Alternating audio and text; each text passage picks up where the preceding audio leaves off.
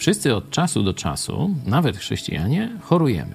Kiedy choroba jest troszkę bardziej taka no, dolegliwa, e, zaczynamy się modlić. Zaczynamy prosić Boga, Boże, daj nam zdrowie. No, bo tak już, jak i wcześniej nasi poeci pisali, że no, szlachetne zdrowie, jako smakujesz, no to dopiero w czasie choroby. No już jak nam tego zdrowia brakuje, no to wołamy do Boga, no bo kiedy jesteśmy zdrowi, to rzadko dziękujemy Bogu, że jesteśmy zdrowi, no ale jak jesteśmy chorzy, no to już prosimy, Boże, daj nam zdrowie. No ale w tym momencie chciałem tych z nas, którzy chorują i w ten sposób się modli, modlą, zachęcić do pewnej refleksji.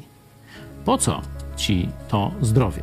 Dlaczego Bóg ma dać ci zdrowie, siły, być może mm, dodatkowe lata życia? O tej historii, jak jeden z naszych braci, Joe Łosiak, modlił się o dodatkowe lata życia, kiedy bardzo, bardzo był chory i myślał, że już umarł. Nie?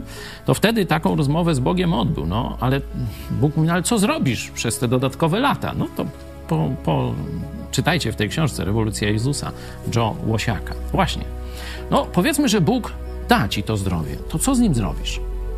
Czy pojedziesz gdzieś na jakąś fajną wycieczkę, może rowerową, może samochodową, może motocyklową, może polecisz gdzieś, nie wiem, zagrać w gałę, nie? Czy tam jakoś inaczej. Może polecisz do ciastkarni, którą najbardziej lubisz i wreszcie będziesz mógł tam coś zjeść, a może tam wypić będziesz mógł więcej i tak dalej, i tak dalej. Inaczej mówiąc, czy to zdrowie, dłuższe życie, lepsze życie, które Bóg może ci dać?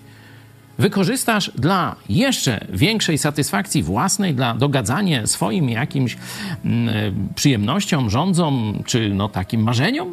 Oczywiście nie wszystkie z tych rzeczy są złe, ale rozważ, prosisz Boga o zdrowie. To może warto wziąć pod uwagę Jego wytyczne. Otwórz sobie pierwszy list do Koryntian, 10 rozdział 31, werset. Czy jecie, czy pijecie, czy cokolwiek czynicie, wszystko czyńcie na chwałę Bożą.